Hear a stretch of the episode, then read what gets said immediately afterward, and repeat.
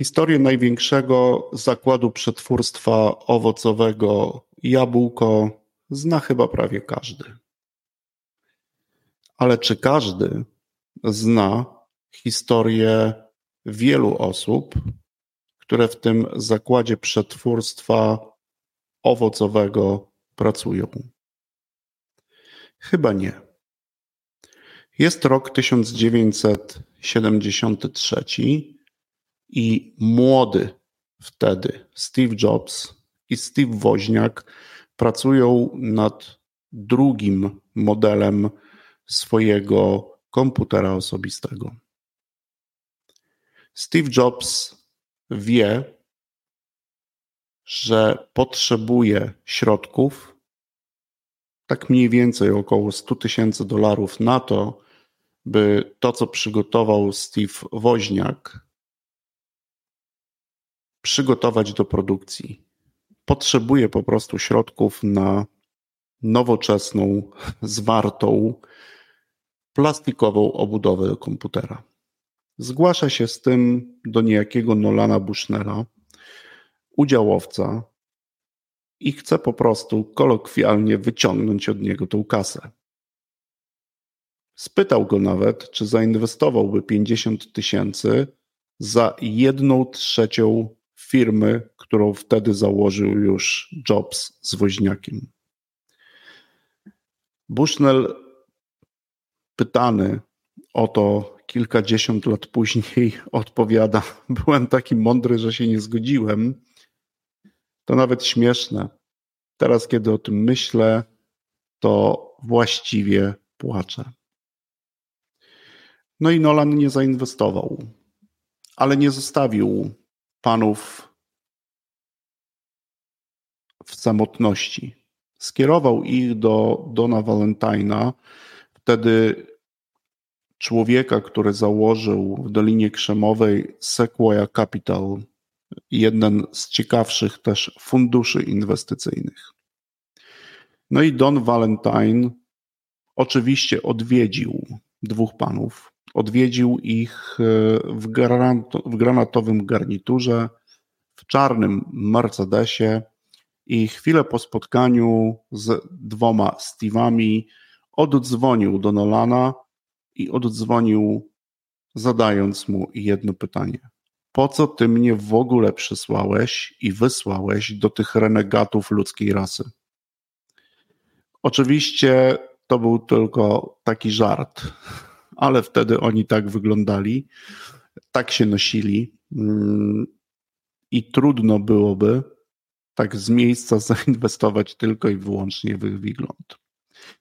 Ale Don Valentine stwierdził, że mógłby zainwestować już wtedy w ten mały zakład przetwórstwa owocowego, gdyby tylko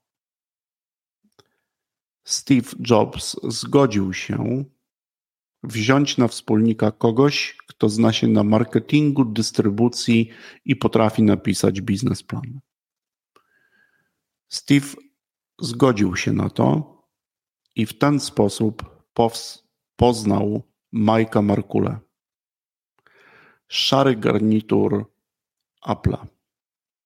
Szary garnitur, który przez dwadzieścia kilka lat miał bardzo duży wpływ na to, jak dziś funkcjonuje na rynku firma Apple.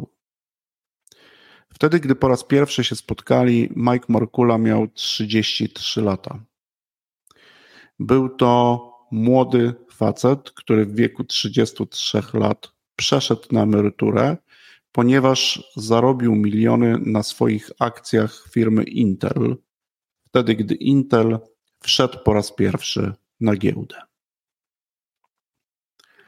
Do dwóch Steve'ów Mike wybrał się w złotej korwecie Cabrio.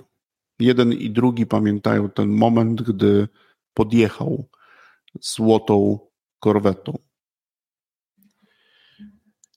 Mike wspomina ten moment tak, że kiedy przyjechał i wszedł do garażu, Woz, czyli Steve Woźniak, siedział przy stole roboczym i pracował nad drugą wersją Apple'a. Nie zwrócił wtedy uwagi, jak wspomina, na to, że obu panom przydałoby się porządne strzeżenie, tylko zwrócił uwagę na to, co było na stole. I powiedział, że jest skłonny zainwestować e, w Apple'a, ale tylko pod warunkiem, kiedy razem napiszą biznesplan i jest w stanie zainwestować nie 100 tysięcy dolarów, a 250 tysięcy dolarów. Steve J, czyli Jobs, zgodził się na to i od tego momentu zaczęła się ich wspólna praca. Poczynili, jak mówią i wspominają, wiele założeń. Myśleli o tym, liczyli i kalkulowali wtedy, ile domów kiedyś w przyszłości będzie miało komputer osobisty. Wyobrażasz sobie takie pytanie dzisiaj? A oni nad tym pytaniem i poszukiwaniem różnych danych potrafili siedzieć do czwartej rano. Mike Markula na koniec tej pracy nad biznesplanem największego dzisiaj zakładu przetwórstwa owocowego powiedział, że za dwa lata firma Apple będzie na liście Fortune 500. Stwierdził, że to początek branży. Powiedział również Jobsowi, że takie coś zdarza się raz na 10 lat. Nie pomylił się. Apple, co prawda, nie potrzebował dwóch lat, a aż siedmiu, ale jednak znalazł się na liście 500 najbogatszych firm.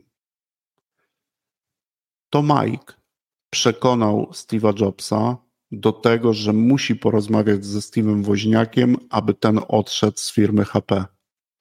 To nie było takie proste, bo Woźniak nie chciał tego zrobić. Chciał rozwijać swoją drugą firmę, pracując na stanowisku inżynierskim i w swojej firmie, i w firmie HP.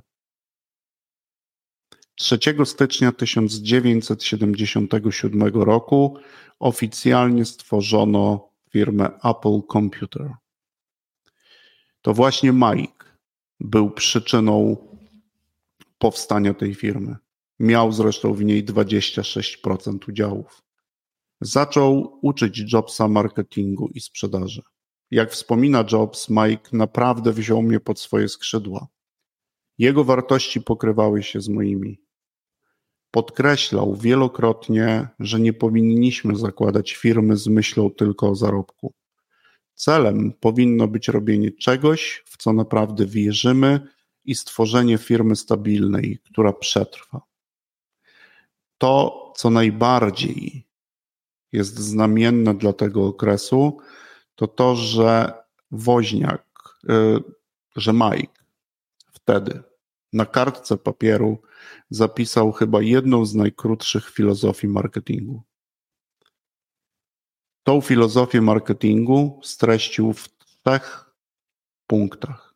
Pierwszym punktem była empatia, a on o niej mówił, że jest to wręcz intymna więź z uczuciami, emocjami klienta. Wyraził ją tak, że powinniśmy i będziemy kiedyś rozumieć, to, czego chcą nasi klienci, czego potrzebują, lepiej niż jakakolwiek inna firma na świecie. Drugą zasadą było skupienie. Mike wręcz obsesyjnie wymagał od wszystkich, którzy w tej firmie pracowali, że powinniśmy wykonywać to, co najważniejsze, ale przy okazji powinniśmy eliminować wszystkie nieistotne okoliczności. No i trzecia zasada, którą sam nazwał zasadą imputowania, którą wyrażał tak, że możemy mieć najwyższej jakości produkty, najużyteczniejszy software, ale jeśli te najlepsze produkty i najlepsze programy zaprezentujemy byle jak, to będą postrzegane byle jak. Jeśli natomiast zaprezentujemy je w sposób twórczy i profesjonalny, to będziemy imputować pożądane cechy, czyli będziemy, będą one postrzegane w sposób twórczy i profesjonalny. No właśnie. O takim szarym garniturze, nieco mniej znanym, chciałem opowiedzieć Wam ja. I mam nadzieję, że opowiedziałem. Dobrego.